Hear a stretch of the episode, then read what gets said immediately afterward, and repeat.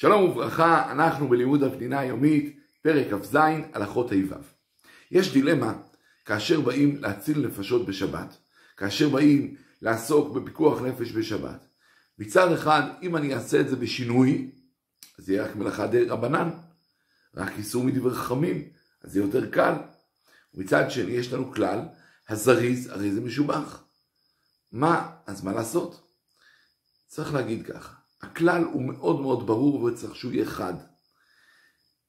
המצווה היא לעשות את ההצלת נפשות, את הפיקוח נפש, לפעול במקרי סיכון באופן הטוב והמהיר ביותר. אבל אם ברור לגמרי שהעיכוב לא פוגע כלל בטיפול בחולה, אז צריך למעט כמה שאפשר במלאכות שבת. ומה שאפשר לעשות בשינוי, צריך לעשות בשינוי. ולכן עם אלה טוב שאנשי צוותי הרפואה ילמדו איך אפשר לעשות את המלאכות באופן שממעט את האיסור עד כמה שאפשר. וממילא, כמו שאמרנו, כאשר ברור לגמרי שזה לא פוגע כלל בחולה, יעשו את, את הדברים באופן שכמה שפחות יעברו על איסורי שבת.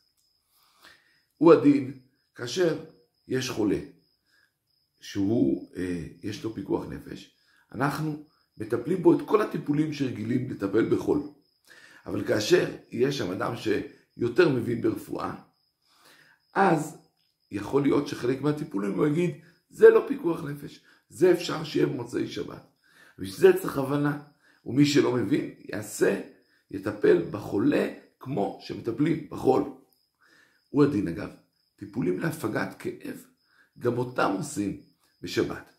ואם תשאלו, אבל, אבל זה לא פיקוח נפש, זה רק הכאב. לא. על ידי זה שהחולה יש לו פחות כאב, הוא יכול יותר להתמודד עם המחלה שלו, ולכן גם זה בכלל פיקוח נפש.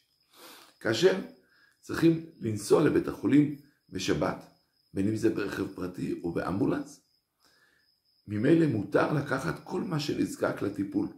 אם זה תרופות קבועות שהחולה לוקח, מסמכים שיכולים לעזור לצוות הרפואי לטפל בו יותר טוב, תעודת זהות, כדי שיוכלו אה, לזהות אותו. הוא הדין שמותר לקחת דברים שנצרכים למלווה או, או, או, או החולה, אפילו שהם לא פיקוח נפש, כמו אה, הבגדים שהם צריכים לימים הקרובים, גם זה מותר לקחת. אלא שמקום שאין עירוב, ייקחו את זה בשינוי, ולא רק בשינוי, אלא ייקחו את זה ברצף, מהבית, באופן ישיר, ייקחו את זה עד לרכב, בלי לעצור, באמצע. כאשר יש דברים שהם מוקצה, כמו כסף, כמו הפלאפון, אז אם הם נמצאים כבר בתיק יחד עם הדברים שמותר לקחת, יכול לקחת את כל התיק עם הדברים שהם מוקצה. אבל אם הם לא נמצאים בתיק, אסור לקחת אותם. ואם יודעים שמאוד יצטרכו אותם מוצאי שבת, אפשר יהיה בשינוי להכניס אותם לתיק ולקחת אותם אגב התיק. כאשר מגיעים לבית החולים, יש בעיה איך מכבים את הרכב. כי עד עכשיו, מה שהדלקנו את הרכב ונסענו ברכב, היה לצורך החולה. עכשיו, למה לכבות את הרכב? זה רק שהרכב לא ייגנב, שלא ייגמר הדלק והמצבר, אז זה כבר לא לצורך החולה, אלא לצורך הרכב, אז זה בעיה, איך, איך אפשר לכבות? לכן לכתחילה, טוב שלבקש מגוי לכבות. ואז, לצורך הפסד, לבקש מגוי זה רק דרבנן, אפשר יהיה להקל. וכאשר אין גוי, אפשר יהיה בשינוי לכבות. אה, דהיינו, נניח את המפתח, לא לסובב בדרך רגילה, אלא אה, באחורי היד, או בכל מיני דברים שהם שינוי, אפשר יהיה.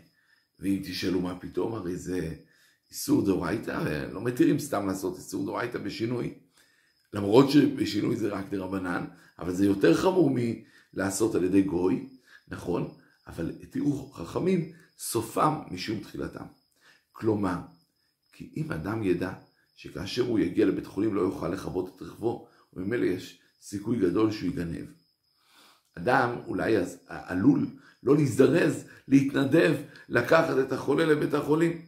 לכן עם אלה התירו סופה משום תחילתם, כדי שאדם יוכל להיות רגוע ולנסוע להביא את החולים כאשר יש צורך. שלום, שלום.